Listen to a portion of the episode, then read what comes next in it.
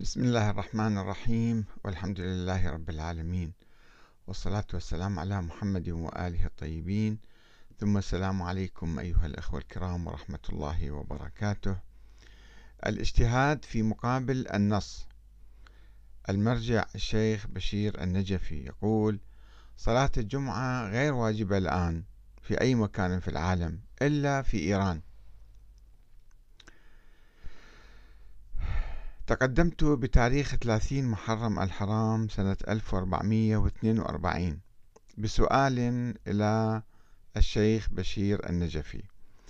أحد المراجع الأربعة الكبار في النجف. آه، عبر بريدي الإلكتروني الكاتب دوت أحمد كوم آه، سؤال حول آه، صلاة حكم صلاة الجمعة. وسألته بالنص ما هو آه، رأي الشيخ بشير النجفي في صلاة الجمعة؟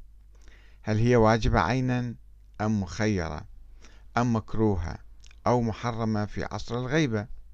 وما هو الدليل القرآني على كل رأي؟ إذا كان يرى أي رأي أعطيني دليل قرآني. فأجابني اليوم عبر البريد الإلكتروني info النجفي دوت كوم يقول آه، باسمه سبحانه. أعلم يا بني. وهي طبعا لغة جديدة في الفتاوى أعلم يا بني. آه، يقول أعلم يا بني. إن لم تتوفر شرائط وجوب صلاة الجمعة ومن أهمها أن يكون هناك مجتهد جامع لشرائط الإفتاء مبسوط اليد يقيمها أو يكون هناك إمام منصوب من قبل المرجع مبسوط اليد كحاكم كحاكم لبلد كإيران. فإن توفرت هذه الشروط تكون صلاة الجمعة واجبة وتغني عن صلاة الظهر. وهذه الحالة منحصرة في إيران فقط في الظرف الحالي. وأما في باقي المناطق فتصلى الجمعة قربة إلى الله تعالى. يعني مو بنية الوجوب. ويؤتى بصلاة الظهر أيضا. يعني ذيك صليها مستحب كيفك يعني. وأما المسافة بين صلاتي الجمعة بين كل صلاة وصلاة يعني فإنما تجب بوجوب صلاة الجمعة. بالنحو الذي أشرنا إليه والله العالم تسعة صفر 1442 هجرية. وهذه الفتوى بالبريد وقد نشرتها على صفحتي في الإنترنت في الفيسبوك آه، في ختم المكتب المركزي لسماحة آية الله العظمى المرجع النجفي الكبير الشيخ بشير حسن النجفي في النجف الأشرف وهذا في الحقيقة رأي للشيخ النجفي معروف ومنشور عدة مرات في موقعه على الإنترنت. وقد اطلعت عليه في باب الاستفتاءات سابقا يعني. ولكني سألته بالضبط عن الدليل القرآني فيما يذهب إليه.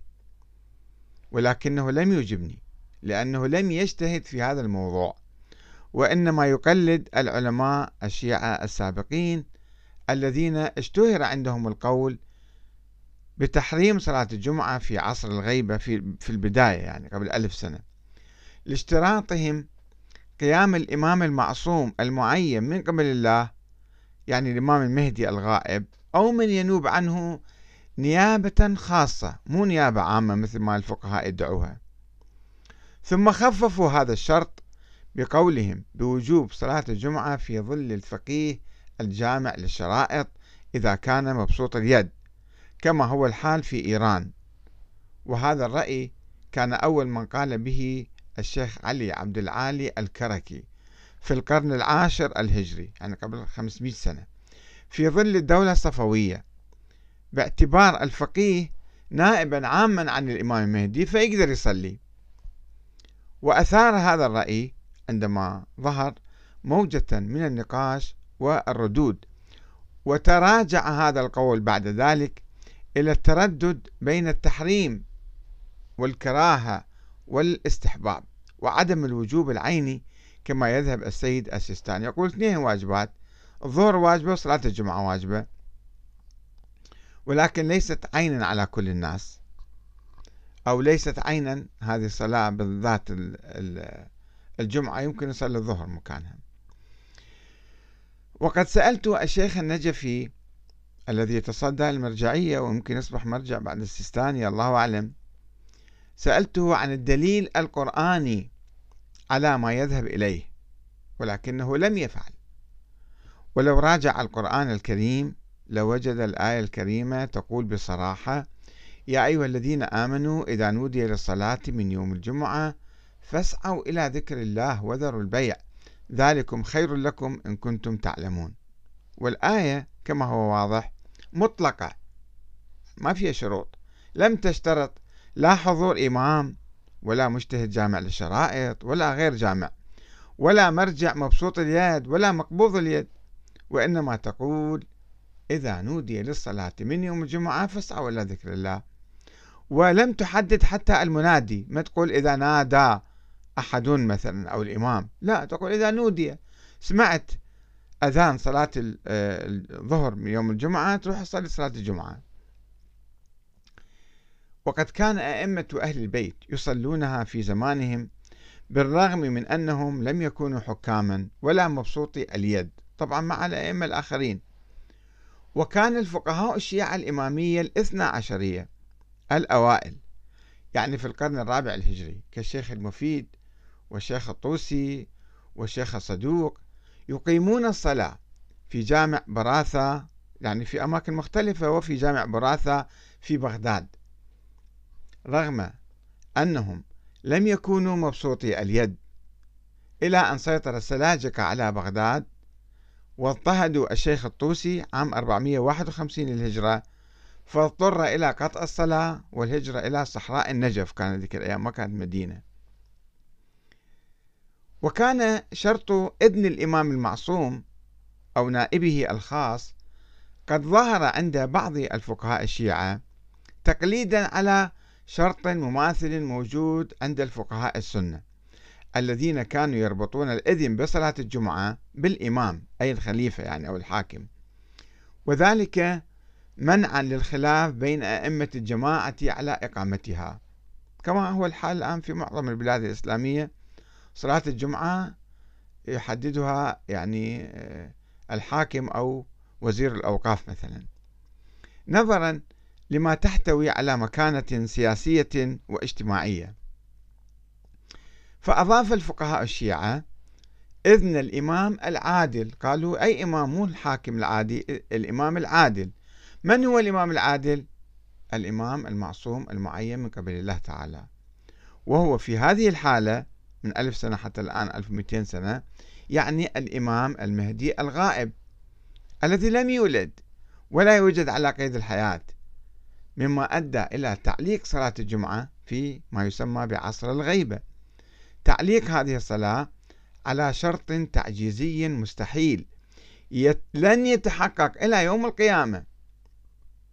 ولو لم يجتهد الشيخ الكركي بافتراض النيابة العامة للفقهاء عن الإمام المهدي وإجازة صلاة الجمعة لظل الشيعة إلى اليوم يحرمون إقامة صلاة الجمعة وإلى المستقبل يمكن.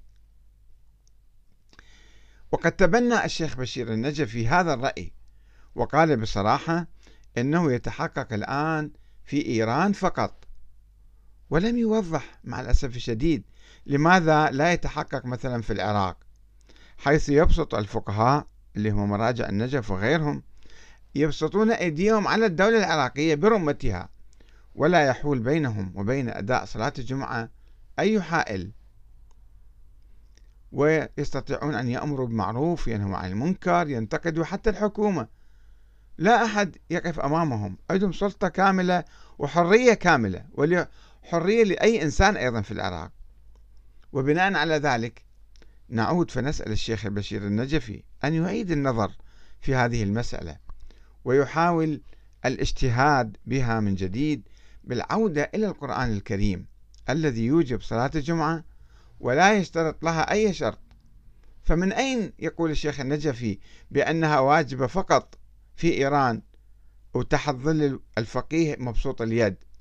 وهل لديه آية قرآنية أو حديث نبوي أو حتى قول لأئمة أهل البيت؟ ولماذا يرى بأن الصلاة غير واجبة اليوم في العراق وفي سائر البلاد الإسلامية والعالم؟ ولماذا يتم تعطيل هذا الركن الأساسي من الدين بهذا الاجتهاد في مقابل النص.